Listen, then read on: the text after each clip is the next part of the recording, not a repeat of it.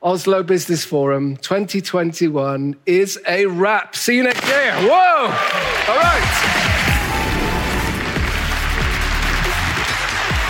29.9.2021 var en herlig dag.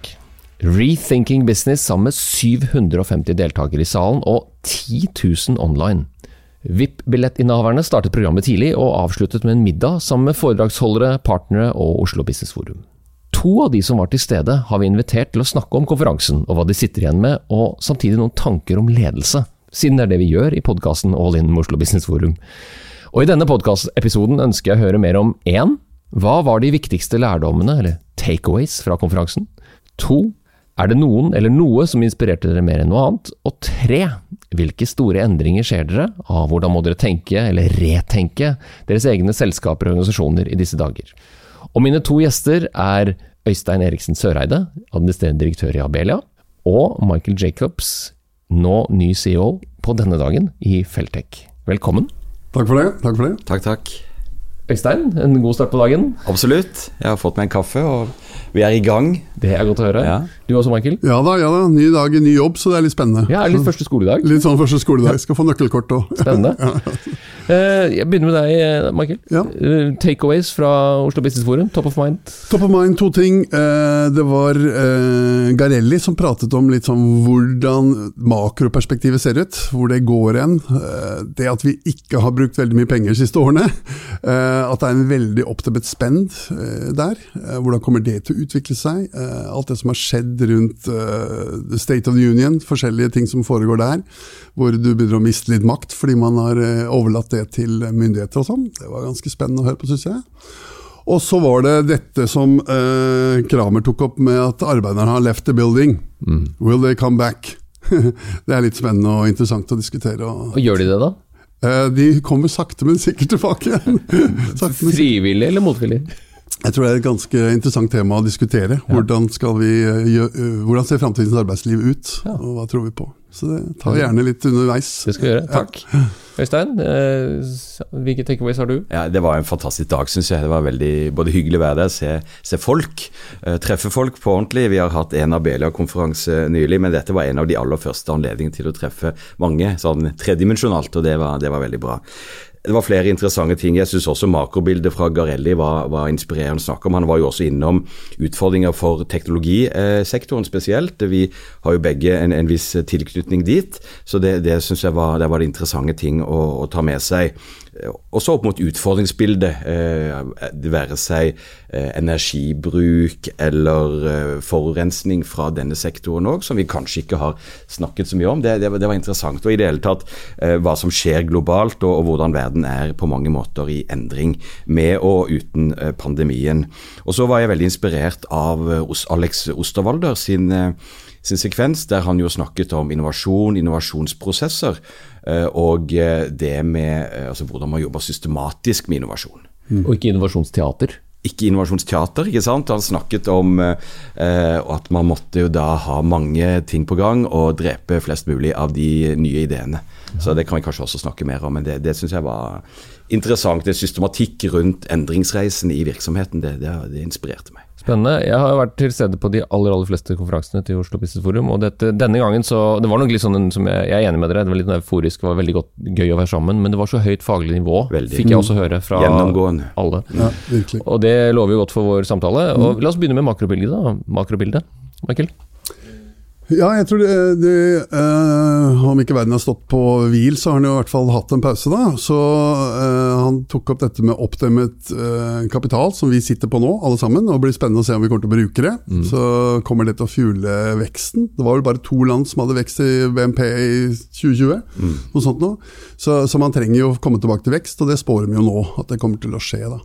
Eh, og så var det innom den teknologiske utviklingen. Hvordan skal det understøtte den fremtiden vi kommer til å se? Uh, hvordan tar vi det i bruk? Hvordan uh, Blir det noen for store? Var man jo innom.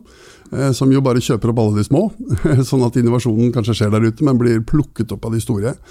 Og blir det for stor makt og kraft der. Og så var det dette med at det har vært subsidier overalt. Sånn at myndighetene har gått inn og hjulpet bedrifter og forskjellige næringer. Og kommer de til å kreve noe tilbake igjen. Kommer til å sette noen begrensninger på bedrifter. Og nå er det payback time. Uh, uh, var også en uh, diskusjon som gikk da, som jeg syns var, var, interessant å se. og så er det jo dette med, som man var innom, at nå er det en begrensning på tilgang til alt mulig av materiale og produkter og sånne ting. Så det er jo står container rundt omkring på feil plass. Det er veldig dyrt å frakte ting, så kosten kommer til å gå opp. Mangel på komponenter er der. Så du får liksom en sånn uh, makroperspektiv på at ting ikke er tilgjengelig. Mm. Og Det kommer til å presse priser. og og snakket vel om en ny avhengighet, at vi har gått fra liksom å være avhengig av olje, og, og, olje særlig, da, ja. til at det er sjeldne materialer som er inne på. og også en del markeder hvor disse fremstilles og produseres, hvor du også støter da på en del andre utfordringer, være seg på menneskerettigheter og andre ting. så veldig interessant. altså. Nå kommer dere til å bli litt forvirra, men jeg er historiker, og jeg husker når jeg studerte historie, og særlig første og andre verdenskrig, har noen fellestrekk og noen veldig store forskjeller. Det at etter første, eller På slutten av første verdenskrig så var man veldig engstelig for fredsoptimismen. Mm -hmm. For det er en ganske lignende situasjon, for man hadde, en, man, hadde, man skulle komme i gang igjen. Og da, da, trodde man jo, det er jo ofte lett å ta til dommedagsprofetiene og si at nei, dette kan jo ikke gå bra, for her er det strukturelt så store utfordringer. Og vi har jo hatt en periode med globalisering og økt avhengighet, mm. som vi nå ser konsekvensen av, når det ikke lenger liksom glir fritt. Mm. Men det gir oss også en mulighet til å restarte. Ja, absolutt. Helt klart. Jeg er helt enig. Jeg, jeg, jeg, jeg syns jo vi ser at vi samtidig som vi, eh, som vi, ser at det skjer noe med forholdet til globalisering, f.eks. Altså, det var jo også Garell inne på. Mm. Eh, liksom, han snakket om 'from just in time to just in case'. Altså at vi, vi må, mange vil være opptatt av å sikre de nære, lokale verdikjedene. Mm. Så det synes jeg er et, sånn apropos til, til det du sier. Og så syns jeg også at pandemien virkelig har lært oss hva vi tross alt er i stand til å løse av utfordringer på utrolig kort tid. Så, så, det er både noen bekymringsfulle trekk, syns jeg, og vi har lært at vi er, eh, vi er, ganske motstandsdyktige, og vi holdt på å si kan hvis vi vil, for å si det enkelt. Mm. Og Så var det innom et par noen sånne forretningsmodeller som begynner å bygges ja. opp, da, som mm. var interessant å få hans refleksjoner på. Sånn. Det var dette med at det er gratis. Bare gi meg dataene dine. Mm. sånn som Facebook. ikke sant? Du, du, du, får hele tjenesten gratis, jeg bare har tilgang til hva du holder på med. Mm. Eh, så var det dette med abonnement. Altså Du eier ikke, du bare leier det. Netflix-tankesettet er der. Eh, så var dette med at du kan selge det med oss, altså finn.no og sånn. ikke sant? Du kan bruke vår plattform til å selge det. Og så var det sånn bruk det og gi det tilbake igjen, som man brukte Ikea som et eksempel. da. Så det er mange nye forretningsmodeller å tenke på hvordan skal jeg skape verdi for kunden, brukeren, og hvordan skal jeg ta betalt for dette som endrer seg stort. da. Så er det jo teknologi som driver, ikke sant. Ja. Han eh, viste eksempelet med, med Apple. Uh, han, han, er jo selv sveitser, som så vidt jeg skjønte, ja. og, og, var frustrert over at Apple lager flere klokker enn Sveits. Ja. uh, det sier jo litt om liksom, hvordan, hvordan, teknologien bredder seg ut. og I realiteten alle selskaper blir teknologiselskaper, eller er teknologiselskaper på mange måter. Og der har vi jo hatt noen, det, det, er spennende å høre hva dere tenker om det, eh, både fra Bela sitt perspektiv, men kanskje spesielt deg, Michael. Når du, mm. når du tenker på den halvannet året som har gått, har det akselerert? Har næringslivet nå liksom gjort denne digitaliseringssprinten som det snakkes om? Eller tvangsdigitaliseringen? Ser dere det fra, fra, fra bransjen? Ja, du, du, ser både og. Du ser de som bare har gått i videokonferanser og føler at det er en digital ja, transformasjon i seg selv. Veldig flink til det, eh, og ikke gjort noe særlig mer enn det. At jeg sitter et annet sted og jobber, og bruker et annet eh, virkemiddel til det. Men så ser du næringer som har endret seg. Da. Jeg var borti et eksempel med noen som, som lagde krydder. Mm -hmm. Og de solgte krydder inn til restauranter. Eh, og restaurantene ble jo skrudd av. Så de var liksom i løpet av 30 dager så hadde de en portal oppe, altså en nettbutikk, hvor du kunne kjøpe etter krydder som privatperson. da. Og skrudde om hele forretningsmodellen sin fra bedriftsmarkedet til deg og meg hjemme. Mm. Og dette skjedde på 30 dager. Og har nå helt sikkert da åpnet igjen restauranter. og Jeg er ganske sikker på at de kommer til å fortsette å selge til oss som forbrukere. ikke. Og da har det plutselig eh, økt eh, markedspenetrasjonen din dobbelt sikkert. Så var det jo mange av restaurantene også som eh, faktisk veldig raskt måtte endre sin forretningsmodell. og også begynte å, altså Selv de mest eksklusive begynte å levere direkte til, til deg og meg hvis vi var interessert. Så, så det, det, skjedde jo mye. Og på en måte så, så tror jeg at det, er riktig når vi sa at vi digitaliserte mer på 14 dager enn vi hadde gjort på 14 år. Altså Det skjedde noe helt dramatisk. Det ble et sjokk, og vi måtte hive oss rundt. Samtidig så tror jeg, som du er inne på, faren for at man faller raskt tilbake til eh, måten å gjøre det på som vi hadde før, den, den er absolutt til stede. Men det er jo de som evner å fange opp utfordringer for sin egen forretningsmodell, og hvordan de må tenke annerledes, som jeg tror kommer til å komme styrket ut av dette.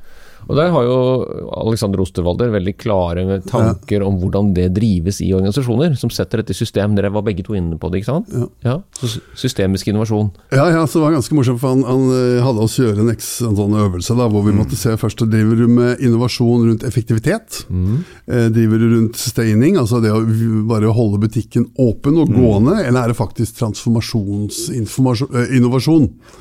Uh, og da måtte du gå gjennom i hodet ditt alle de tankene du hadde rundt hva er det vi holder på med, mm. og så skulle du sette det i en av de boksene. Jeg tror Hvis alle var ærlige med seg sjøl, så er det de første to. ikke sant? Ja, ja. Det er holde butikken gående og drive effektivitet i organisasjonen. Det er ikke så mange nye forretningsmodeller som kommer opp, eller nye tanker. da. Men så. sier han ikke også, det er mm. litt. Eh, inhabil her, for jeg vet at han sier det, men eh, sier han ikke at alle skal jo definitivt ikke være innovatører? Er ikke det det motsatte av det vi har hørt nå de siste 10-15 årene? Det har vært haugevis av forretningsmodelleringskurs og vær innovatør og work as a startup og alt det greiene. Men så sier Schumpeter nei, eh, Osterwalder nei, skal ikke det. Jeg hørte han i hvert fall sa noe om internt i organisasjonen. Ja. Ikke sant? De som, de som er i eh, hva heter det, daglig drift, da, for å kalle det det, eh, skal sørge for at den skjer effektivt. og optimere den ja. mest mulig.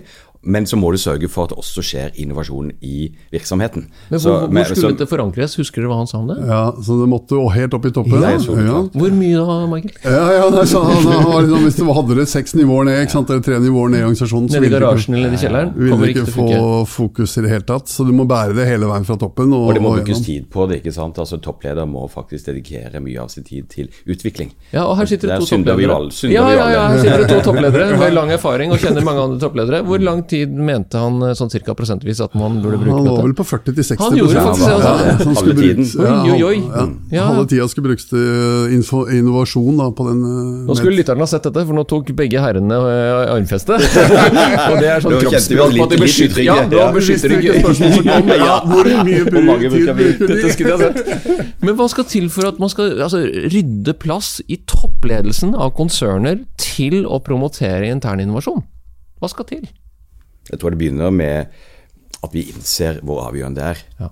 Altså vi, det handler om virksomhetens overlevelse på, både på kort og lang sikt. Mm. Så det, må, det er en topplederoppgave å, å drive utvikling og så, så, må det, for altså, Man må være streng med seg selv. Det må rett og slett, eh, Man må tvinge seg selv til at det preger dagsorden, og at man rydder, rydder plass til det. Og at man kanskje Det handler da litt om holdt på å si, tillitsbasert ledelse. At du, du ikke nødvendigvis skal lede i alle detaljer, men kan overlate ganske mye til den enkelte kompetente kunnskapsmedarbeider. Og så kan du faktisk da eh, frigjøre litt tid til, til også å tenke strategi, tenke innovasjon, tenke de lange linjer. Og ikke bare tenke, men jobbe med det. Ja, For du skal jo ikke innovere, Øystein. Du skal jo støtte under innovatøren din. Du skal jo sørge for at hun eller han får de ressursene som gjør at det blir testet ut. Men så sa også, sa også Osterwalder at du skal jo stoppe de gærningene. Mm, mm, ja. Du skal jo ikke holde på for mer enn var det, tre måneder. Tre måneder. Ja.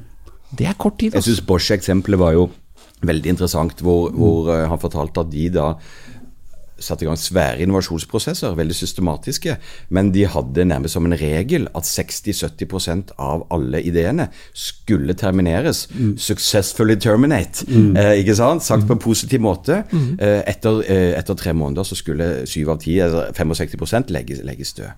Her har jeg en brannfakkel. Jeg tror de fleste vegrer seg for det, for de er så redd for at folk skal bli lei seg. Ikke sant? For det får du beskjed etter tre måneder, du lyktes ikke, Tor. Men det viktigste der er jo den læringen, mm. og at en organisasjon lærer seg å lære. For ellers så får du jo folk som sitter og holder på i årevis med å bygge ting fordi at de har sett noe, og de får sånn halvveis støtte og litt sånn halvveis oppgitt 'Å nei, det holder på ennå', ja. Mm. Det blir ikke noe innovasjon av det. Det blir bare dårlig stemning. Og kanskje man da lærer at man skal tildele noe ressurser idet ideen kommer opp. Altså Uansett om den skal termineres eller ei tre måneder senere, så må alle idéprosesser være like verdifulle og få noen ressurser. Og så er det helt greit. Det er faktisk meningen at 65 skal, eh, skal legges død. Men toppsjefen må se meg og følge meg opp, men også må stoppe meg. Absolutt. Ja, altså, ledelse som kan Ma Michael, Ja, har, du har holdt på sånn i at Ja, jeg var faktisk litt dårlig glad, fordi vi har, vi har forretningsutvikling sittende helt oppe i eh, ledelsen, så det er bra. I hvert fall jeg at jeg kunne huka den. Yes. Eh, Det han pratet om som kill ratio, da, det der å terminere de prosjektene, der tror jeg vi er litt syndere. At vi tar dem litt langt, kanskje. At vi tror på han og tror på han og tror på han og tror på han og Vi håper jo, ikke sant, og det er jo ja. menneskelig igjen, når vi kjenner disse folkene, eller vi, har, vi vil jo at de skal lykkes. Ja. Men man lykkes gjennom å lære, Ja. sier Osterwalder. Ja, jeg er helt enig i det. Så, så det og da å eh, feire at du har skrudd av noe Ja. Ikke sant? Vi har faktisk terminert det prosjektet. Det skal ikke være en nederlag, det. Det er faktisk vi har prøvd. Og så har vi lært. Ja. Og så en eh, tanke til særlig oss som har jobba mye i teknologivirksomheter. Han sa faktisk også at du trenger ikke teknologi for å innovere.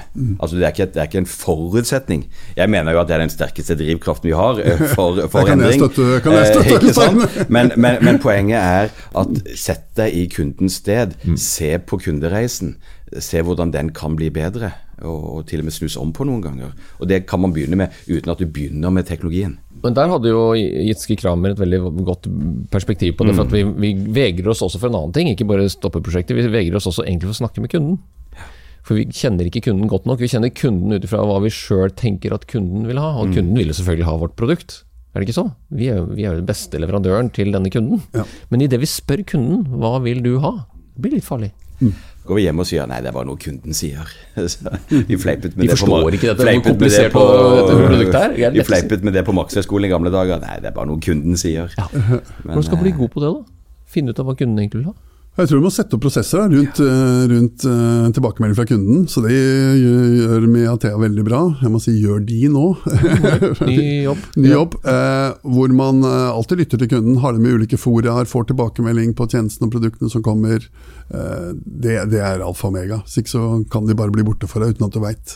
Men det er hos kunden, vet du, det er også en dilemma. For hos kunden så kan du ha en mottaker som er, kunde, eller som er ansvarlig for den relasjonen, men den kunden trenger ikke nødvendigvis si sannheten. Hvordan det egentlig funker i organisasjonen. Ja. Det er det som ofte er dilemmaet, i hvert fall på større eh, leveranser. Jeg tror en av de tingene som også kom ut under, eh, under eh, dagen, var jo dette med tilbakemelding. Åpen og ærlig tilbakemelding. Eh, og Det gjelder både internt i en organisasjon for å bli bedre, og tilbakemelding er en gave, ikke en, eh, noe som du skal bli lei deg for. Eh, Så ta god tilbakemelding. Akkurat det samme gjelder å bygge opp den tilliten med kundene. Så du unngår den at eh, ja, vi sier det fordi vi syns de er så snille og greie. Ikke fordi de er, er så flinke. Så, så den eh, ærlige og åpne tilbakemeldingen blir viktig, tenker jeg, både internt i organisasjonen og med kunder og partnere. Så det, men det er jo vanvittig viktig, og jeg tenker at det er noe av det som er ekstra ja, viktig, men vanskelig. Altså, det er noe av det som er ekstra vanskelig i vår kultur, f.eks. Jeg tror ikke nordmenn er best på dette. Men så det må, som med innovasjon, det må settes i system. Og her eh, var jeg sikkert blant mange som tenkte ok, her har vi en del å gå på eh, hjemme, altså på jobben. Her, her er det noe vi må virkelig jobbe systematisk med å bygge en mye sterkere kultur for evaluering, tilbakemelding. og Jeg syns Erin Meyer fra, eh, fra Innsad var jo, var jo særlig innom dette, og brukte jo Netflix-eksempelet eh, til å snakke om, om, om disse tingene. Eh, hvordan slippe medarbeiderne fri? ikke sant? Hvordan skal du kunne ikke ha regler, nærmest, i selskapet? Hva er det det krever? Og det med ærlige tilbakemeldinger. eh, eh, Feedback-kultur var jo en av de to faktorene hun, hun snakket om. Og disse 360-rundene som de har da dyrket i Netflix, hvor du sitter som gruppe, ikke sjefen og den ansatte, det å da gi tilbakemeldinger så alle hører det, Ja. det jeg tror du, du, du er helt riktig. Vi bruker vår kalde tradisjon som unnskyldning. Men hvis vi skal dyrke fram kunnskapsarbeidere og kunnskapsbedrifter, så må vi være litt mer åpne og ærlige med hverandre. Jeg ble jo satt tilbake til Solstrand, jeg gikk der for, for, på det yngre programmet for en del år siden. Og, og der er jo det en del av metoden, ikke sant. Du sitter der som eh, likeverdige, men gir hverandre tilbakemeldinger, pluss og minus. Ja, bare dere, ja. Det hjelper jo ikke at dere gjør det på Solstrand. Nei, nei, nei, altså selvfølgelig, hvordan tar du den kulturen med deg hjem? Men altså, jeg kunne både kjenne igjen hvor, hvor verdifullt det er, og ubehaget ved det. Det er ikke det. sant? Så, så der er noe Vi, vi begynte for halvannet år siden tilbakemeldingsprosjekt da, i Athea. eh, Som som prosjekt, ja. ja? Ja, som prosjekt. Alle 1750 ansatte gikk gjennom treningen Ja. eh, hvor vi hadde det. Og da er det en uttalt sak Alle gjør det. Og da er det kanskje ikke like farlig. Så Ikke Det er liksom det første at vi prater om det og sier at dette er en kultur vi ønsker, og ønsker å sette opp. Så gir man en metode, liten enkel metode, da, hvordan du gir tilbakemelding på en effektiv og god måte. Mm. at du ikke skal føle at dette her er- blir skummelt, og du tar det personlig. Så, eh, så det har vi jobbet med i halvannet år, og du merker at det siver inn i kulturen. Altså Etter kundemøter så kan vi gi hverandre tilbakemelding hvordan det gikk internt, hvis man føler det. Når man opplever noen på scenen eller i, i hverdagen, eller hvordan de oppfører seg mot andre osv. Jeg er veldig stor tilhenger av det. altså. Jeg har sett store effekter av det på hvordan en organisasjon blir bedre, og individene i organisasjonen blir bedre. Så, Ja, for det er jo den tilliten vi trenger. Vi trenger også å få høre det når vi kanskje sjøl aner at vi ikke gjør det så bra. Og det er jo, slik jeg forsto Myers, så skal det jo være det som gjør deg bedre. Det er den feedbacken du trenger. Klart. Ikke hvorvidt du Nå er du sur, Tor. Nei. men i det møtet så sa du noe som jeg oppfattet at du var negativ. Det trenger jeg å høre. Så Det er den konstruktive kritikken, ikke sant? Men, men som tar fatt i faktisk atferd eller Exakt. faktiske felles opplevelser. Sånn, sånn Det ble jo konkret og ubehagelig kanskje allikevel, men det er selvfølgelig med, ja, med en konstruktiv inngang. Ja, det kan jeg jo gjøre noe med. Men hvis jeg får høre av deg hver dag at du, nå er du sur, da blir jeg jo i hvert fall sur. Men, det, men dette er jo tilbake Ja, til det vi startet med, ja. med dette med kulturelle aspekter. Ut- Kommer nå arbeidstakerne tilbake? Skal vi la de komme og gå som de vil? Skal de få ha øh, det, det, Altså, dette er veldig gøy. Hvordan, hvordan blir nå dette arbeidslivet? ja, det Post pandemien? interessant. Skal Så de få lov til å velge? Ja, jeg satt eh, på et sånt panel i går, hvor Torbjørn Røe Isaksen annet, og en del toppledere da var der for å diskutere akkurat temaet. Hva gjør vi? Og Personlig mener jeg i hvert fall at hver og en organisasjon må finne ut vil de, hva, hvordan vil vi ha det. Det var sånn Ole Brumm-svar. Ja, ja, ja, men det er liksom, hvordan vil vi ha det? For det Ja, hvordan vil du ha det? Du er min sjef, du må fortelle meg hvordan vi skal gjøre det. Nettopp. Så du må liksom finne ut hvordan ønsker vi å ha det her i vårt selskap. Sant? Hva, hva er det som skal prege oss? Og da må du ta hensyn til individet, oppgavene, hva vi holder på med, osv. Og, så videre. og så må du finne ut av hvordan er det vi skal ha det. Hvordan Skal det være fleksibel? Skal du få velge selv? Skal du, eh, Ernst Young hadde det. De hadde en, nå gått åpent ut og sagt at det her velger du selv. Det er full fleksibilitet. Ja, så dette er rethinking. Der, der skal man få lov til å velge helt sjøl. Det er opptalt, Du trenger ikke å si at vet du hva, jeg trenger å levere noen barn i morgen, så jeg blir jobber hjemme fram til lunsj. Det gjør du sjøl. Det valget tar du selv. Og troen på at det er oppegående mennesker som kan ta egne valg, og som klarer å styre dette her sjøl. Det, er- det, er- det, er ganske- det er den kulturen de ønsker å ha.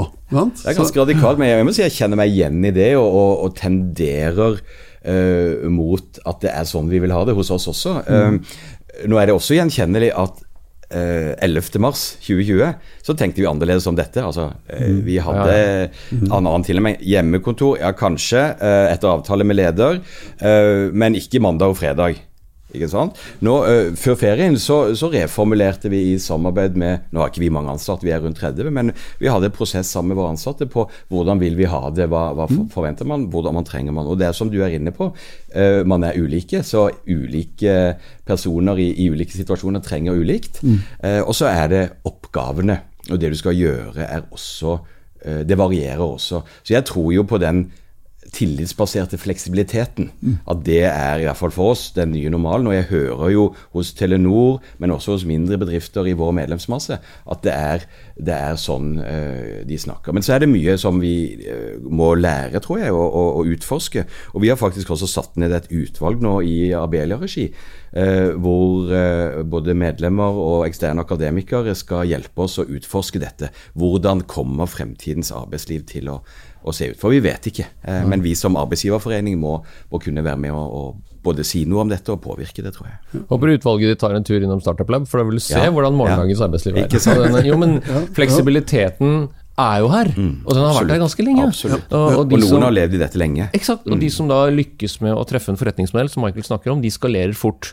Det som er så interessant å se da, da blir de ofte ganske konservative og trege fort. Ikke alle, men mange blir det. Fordi de kjøper på seg en del sånn større ideer om at eh, skalering, ja det krever compliance, de krever alle disse tingene.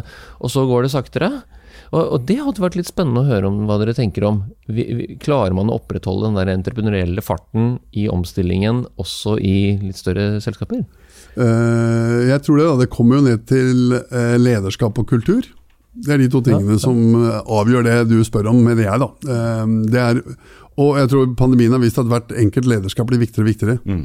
Altså Det er ikke andre ledere som ser mine medarbeidere like godt. Ja. Fordi de sitter kun i sin akse. Veldig ofte, da. Det er mindre at jeg tilfeldigvis treffer noen.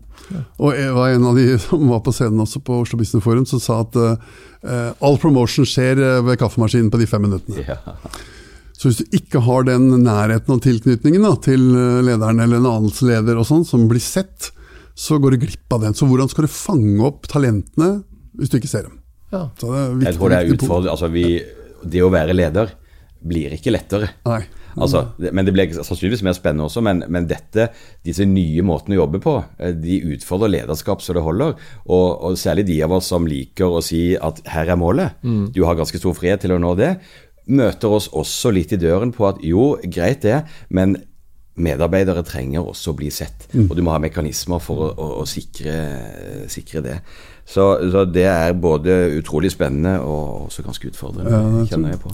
Og så er det tilbake til det du sa om, om trans, har vi virkelig transformert oss i disse halvannet årene. Da. Og hvis du bare bruker Teams, så det eneste jeg har gjort er å skru på et kamera, så har du ikke fått det til.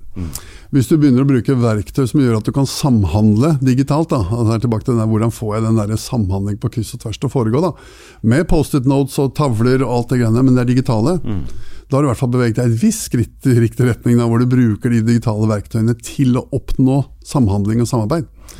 Hvis du bare sitter og prater inn i et kamera og prøver å få det til å bli en dynamisk og god og øh, workshop-lignende sak, så, så må du til Gardermoen. Da må du sette deg ned på et konferanserom. ikke sant? Men du må prøve å ta de verktøyene i bruk som gjør det mulig å få den dynamikken, selv om vi sitter hver for oss. Jeg må si jeg var veldig glad for at vi i vår virksomhet hadde begynt å ta noen av de verktøyene i bruk også før pandemien. Ja. Sånn at det var ikke bare kamera i, i Teams som han var liksom det, det, det nye. Vi, vi hadde brukt en del annen funksjonalitet i den type verktøy. Eh, og det har vi hatt stor glede av. Altså, og, og så ble jo nytten av det bare forsterket eh, fremover. Men det sies jo også sånn psykologisk at det er jo, jeg følger opp det du snakker Mm. om, Michael, om at å følge opp ansatte, altså individer, og hvis vi nå skal ha større fleksibilitet, det er jo en fysisk begrensning for hvor mye en leder eller mellomleder kan følge opp av antall kunnskapsarbeidere kunnskapsarbeidere som er drivende dyktige, og som kanskje også ikke alltid syns at det er så gøy å stå og henge ved kaffemaskinen. Sjøl så kan jeg synes at min erfaring med folk med kaffemaskin, det er ikke bare positivt. For der kommer det ganske mye edder og galle og ting som toppsjefen aldri hører, eller vil høre. Så jeg lurer litt på Kan vi også gå fort tilbake til noe som er enda mer konservativt? I noen organisasjoner, for de vil ha enda mer kontroll, og, de vil, og det er helt naturlig at de vil, liksom, vil stramme litt inn. Ja, Det var også snakket om det, og det å ha ønske om å ha kontroll. Du vil ha det, for alt ukontroll føles ubehagelig. Ja. Så, så jeg tror man skal passe seg for det. At man ikke går i den fella at vet du, jeg må kontrollere, så jeg må vite hvor du er allikevel. Selv om jeg har gitt deg den friheten. Eh, så det, det tror jeg er, er, er viktig da, å ha tenkt gjennom det. Hvordan du skal unngå at du begynner å kontrollere selv om jeg har gitt deg frihet. Men det, det, systemene kontrollerer oss. Altså Systemene ser når jeg er pålogget, systemene ser om jeg har vært aktiv eller passiv pålogget, og, og om jeg har svart på ting eller ikke svart på ting. Altså, så den kontrollmekanismen ligger i hele den der, i hvert fall de som har digitale arbeidsverktøy. Ja. Så det, det fascinerende blir jo når får vi auditing på det der? På timeverkene våre? Så er det jo hva vi kontrollerer. ikke sant? Jeg, eh, altså Fra ulike erfaringer så syns jeg at jeg har sett at vi er for gode til å, å kontrollere, for å bruke det ordet, ordet eh, ressursinnsatsen. Enten det er penger Jeg var leder i det offentlige før jeg begynte i Abelia. Veldig klare på hvor mye penger vi bruker, men hvilke resultater får vi ut? Eh, har det kanskje vært mindre oppmerksomhet på målstyring, ikke sant. Eh, du kan gi frihet kanskje i hvordan du gjennomfører oppgaven, hvis vi er noenlunde enige om hvor vi skal og hva vi skal få til. Så er det sikkert de som vil mene at også der har man innført for mange KPI-er og for, for mange måleparametere. Men, men jeg opplever i hvert fall at vi er i dette skismaet her og, og dette rommet her, hvor vi prøver å finne balanse. Men det er en fare det du peker på, helt klart. Ja, Morten Hansen snakker om dette, at, vi, at vi i liten grad ser på organisatoriske endringer. Dere nevner det jo, men det, vi, vi, når vi ender opp med å diskutere teknologi og teknologi og teknologi, som om det skal være det saliggjørende, så, så glemmer vi at det er jo menneskelige Ja, ja, ja, ja. innsatsfaktorer, og men, ofte mennesker som tar beslutninger på andre siden òg. For, fortsatt. Som kjøper det eller ikke kjøper det, eller setter i gang prosesser eller ikke. Du snakket om kunden, ikke sant? hvordan setter kunden reelt sett i sentrum. Du må jo faktisk begynne med å kartlegge hvordan kunden har det. Og så kan du begynne å se er det noe teknologi her som kan hjelpe oss å lage en bedre kundeopplevelse. Men du må begynne med å beskrive kundereisen. Så var det noen aha-opplevelser som vi nå ikke har dekket av. Vi- Det avsluttet jo med Rachel Botsman og Nicolai Tangen. Absolutt. Ganske Ja. fornøyelse. Nicolai var ja. myk i knærne. Jeg kjenner han ikke i det hele tatt. Tillit var jo gjennomgangen både i, i hennes eh, foredrag og i samtalen de hadde. Så det var, var utrolig, eh, utrolig interessant, eh, det må jeg si. Overrasket han deg, Tangen? Nei, ikke egentlig. Jeg syns jeg har sett han i et par sammenhenger hvor, hvor jeg syns han har eh, bydd litt på seg selv allerede. Men han, han gjorde jo også det her. Virker tryggere nå enn de første Ja, det, det han ble litt altså, overrasket. var, ja, overrasket, og hvem hadde ikke blitt det? ikke sant? Har, altså, jeg har sett i hvert fall på, i sidelinjen hva det vil si å få hele landets eh, mikrofonstativer opp i ansiktet. Det kan bli, gjøre noen og enhver utrygg, eh, men, men, men absolutt. Og, og så var han, jeg synes det er interessant, apropos tillit. Hun, han ble utfordret på uh, kan, hvorfor kan man ha tillit til han, og hva er det man kan stole på at han kan gjøre. Mm. Han sa egentlig det er kun øh, det å forvalte store verdier som er min jobb og min kompetanse. Ikke legg til grunn at jeg er verdens beste leder eller verdens beste pizzabaker, for den saks skyld. Så, så det var, jeg synes jeg hadde interessante refleksjoner rundt det. da, Også om det å kunne, uh, altså kunne tillate feil, hvor stor tilslagsprosent eh, må du ha for å egentlig lykkes i hans rolle. Og han sa vel at 52% klarte du det, så var du egentlig ganske vellykket. Apropos det, ikke sant? Apropos det å også kunne tørre å gjøre feil. Ja. ja nei, jeg også tok med meg den eh, fra den tillitsbiten, det at leder skal være ydmyk og ikke kan alle svarene og sånn, og at du skaper veldig stor tillit rundt det. da. Ikke å vise sårbarhet nødvendigvis, men, men mer at du, dette her eh, har jeg ikke nok informasjon til, eller osv.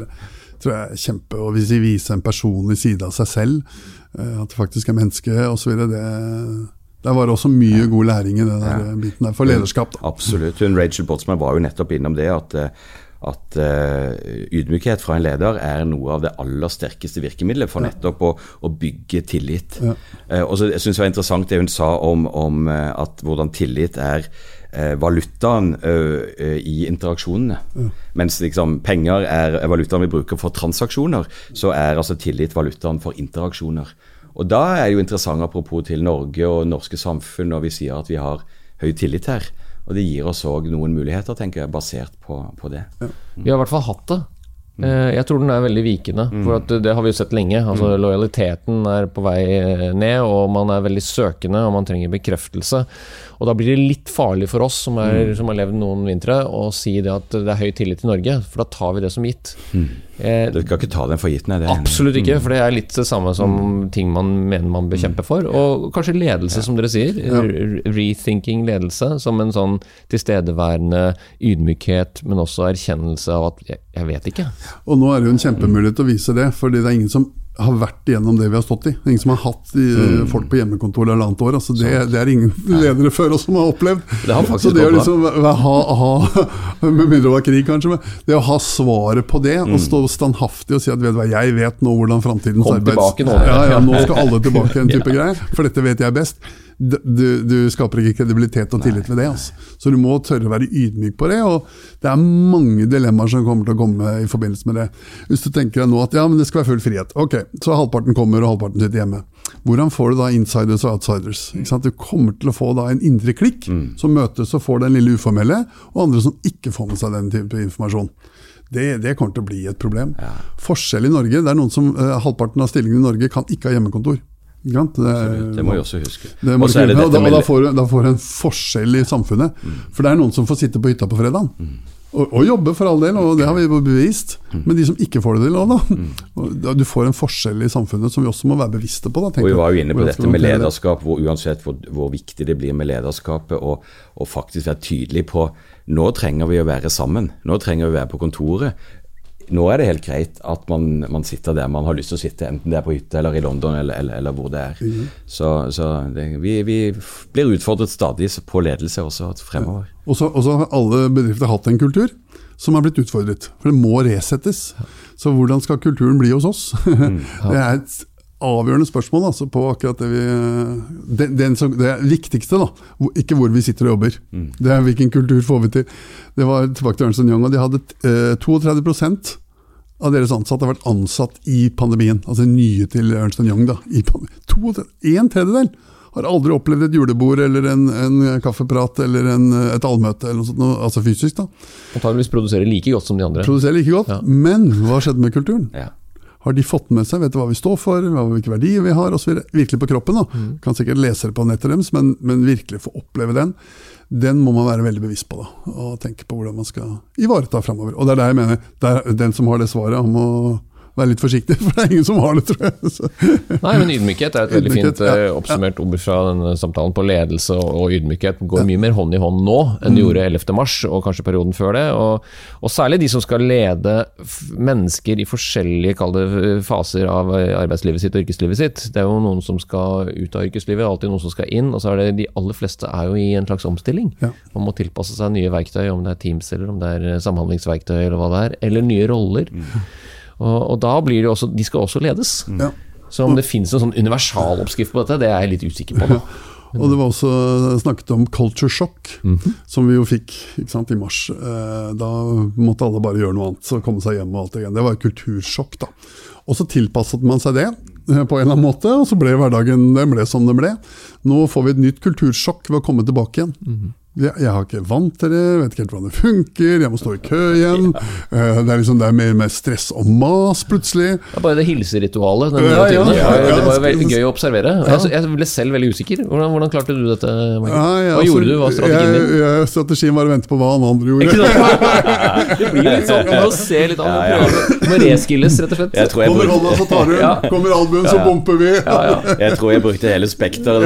Noen tidligere kollegaer traff som fikk en klem, og så var det, var det albuen til andre. og det man, ja, man, må, vi, også må vi ha respekt for at dette vil vi håndtere litt ulikt. Ja, men jeg eh, følte vi på det- jeg føler oss litt fremme igjen. Jeg hadde akkurat det samme. Jeg følte på at jeg, Der var det ene gang en klem, og den andre var jeg knapt nok bare, bare sånn. Ja. Og så står vi tre og prater sammen, og så står jeg, det, det jeg brukte mesteparten av tiden min og tenkte på Herregud, tror dette var kleint. Ja. ja, sitter, nå står sikkert uh, den tredje som ikke fikk noen ting. Så jeg tenker ja. bare Hva er jeg mindre verdt nå? Hvorfor, klemmer, er hvorfor klemmer du ikke meg? Ja, Ja, ja. ja, Det er Nei, rart, det der, altså. Vi skal lære noe Så nytt der, ja, vi må rett og slett opp igjen i ringa. Ja. Så det er noe for enhver å tenke på. Hvis jeg, hvis jeg skal oppsummere denne herlige samtalen nå, så har vi vært innom faktisk alle speakerne. Det er ingen vi ikke har nevnt.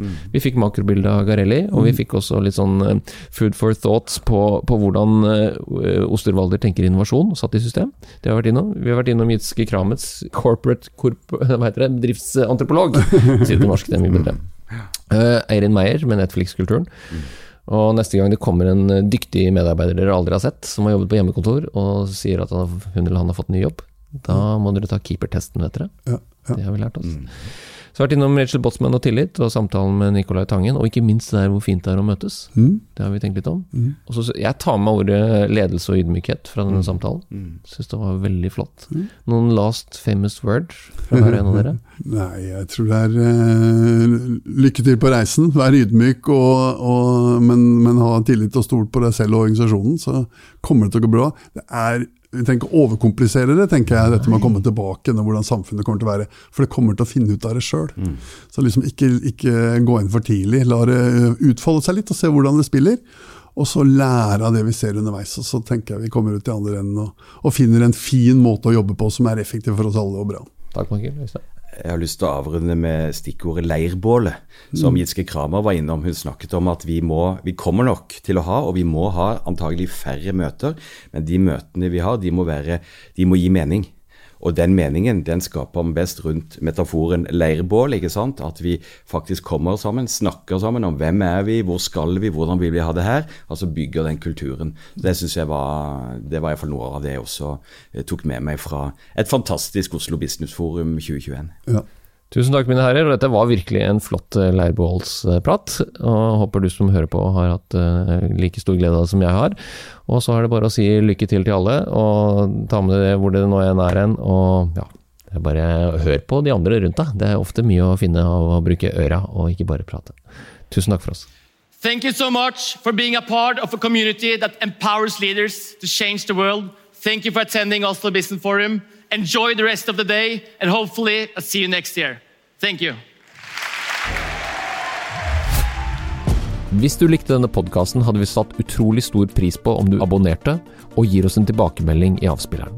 Spre gjerne ordet videre til andre ledere som er lidenskapelig opptatt av ledelse, strategi og innovasjon. Mitt navn er Tor Haugnes. Sammen er vi all in med Oslo Business Forum.